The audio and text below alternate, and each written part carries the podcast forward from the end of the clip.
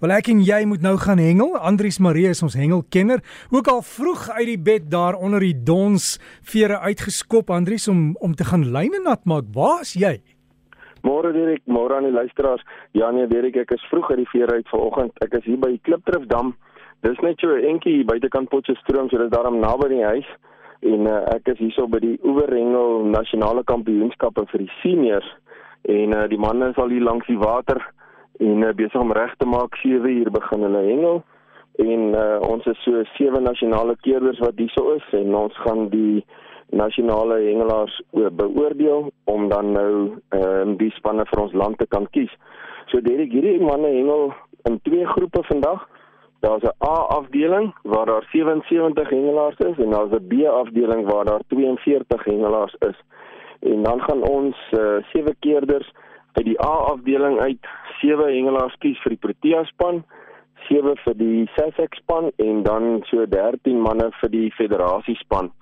So hierdie ouens gaan dan vir Suid-Afrika verteenwoordig bietjie later in die jaar, vroeg in volgende jaar en uh, ons wens hulle almal baie sterkte toe met die proewe.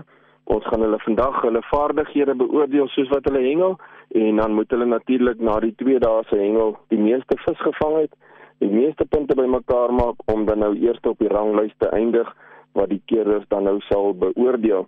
Die manne het 'n moeilike uh, dag vandag en môre wat hulle voorlê want uh, die weer het so bietjie gedraai. Klipdrif gaan hulle besig hou vandag Derek, maar uh, ons glo dis ons beste in ons land wat hier is, so hulle gaan dit maak werk vir hulle om by hulle drome te kan uitkom om ook die groen en goud klere te kan dra.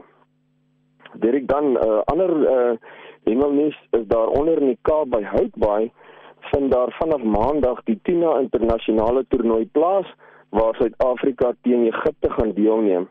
Uh, en dan is daar ook provinsiale spanne wat in die provinsiale uh, afdeling gaan deelneem. Nou luisteraars sal onthou dat ek so die laaste 3-4 weke vertel het dat die Tina's goed aan die byt is. Nou ja, ons is baie bly om dit te hoor en hulle het nog in die week nog steeds goed gebyt. So ons voorsien dat uh, die manne goeie vangste sal hê. Ongelukkig het die uh, koue front se tande aangekom in die Kaap en uh, die winde waai sterk daar. So ehm um, oor die naweek begin dan nou slegte weer oor die Kaap inbeweeg, maar dit lyk op die voorspellings of die week uh, baie goed is en die Here het vir ons goeie weer wat vir ons voorlê en dit lyk of die manne die volle week sal kan hengel en die bote sal kan uitgaan op die diepsee. Want dit is tog so baie moeite om daar te wees en dan kan jy ongelukkig nie uitgaan as die see nie reg is nie. Maar dit lyk die woordvoorspellings lyk goed die winde en die seegolwe is nie te erg nie so die manne sal waarskynlik uitgaan op die see en ons wens die Protea en sy span baie sterkte toe teen Egipte. Ons glo ons sal ons man kan staan ook daar. Ek sal uh, soos wat ek uh, foto's kry sal ek dit uh, uh, plaas op die Engel Breakfast uh, Facebook bladsy. Dan luisteraar wat die ander vangste betref, uh, kan ek vanoggend vertel dat by KwaZulu-Natal se kus daarvan so Dwana Bay se kant af af tot daar by Durban se uh, se kusgedeelte uh, was die vangste heel goed geweest uh, en dan kom heelwat dorados en van die kutas uit of die queen mackerel soos wat die uh, maar meer bekend staan en uh, daar het baie mense hulle gevang vanaf die diepsee bote af en dan ook van die kajaks af.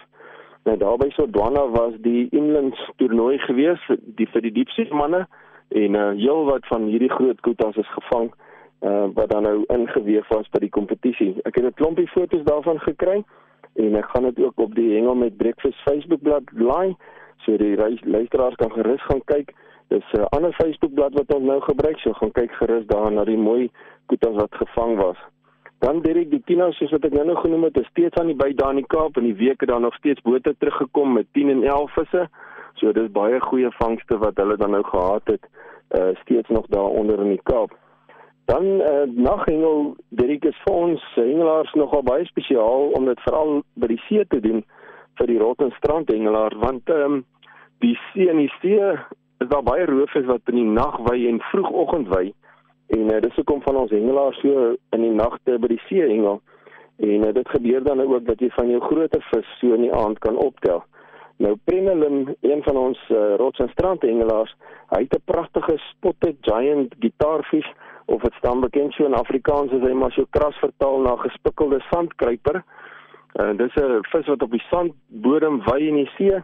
Het hy hom gevang. Dis 'n pragtige vis. Nou die vis kan so 3 meter lank word En uh, daar's 'n baie mooi foto van hom geneem in die aand en 'n mens kan die vis baie mooi sien met sy spikkels. Die luisteraars kan gerus gaan kyk op die hengel met break, uh, breakfast uh, Facebookblad na die pragtige foto van daardie vangs.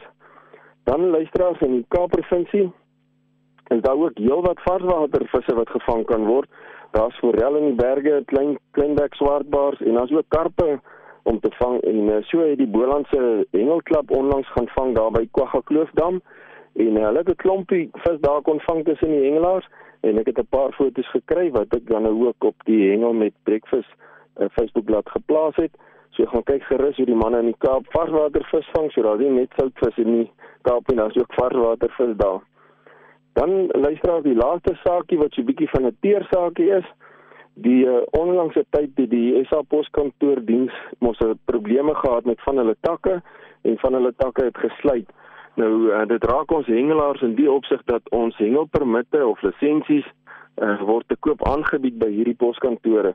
En uh, nou is daar baie van hierdie takke wat toe is. Nou is daar van ons hengelaars wat nie van hulle lisensies kan kry nie.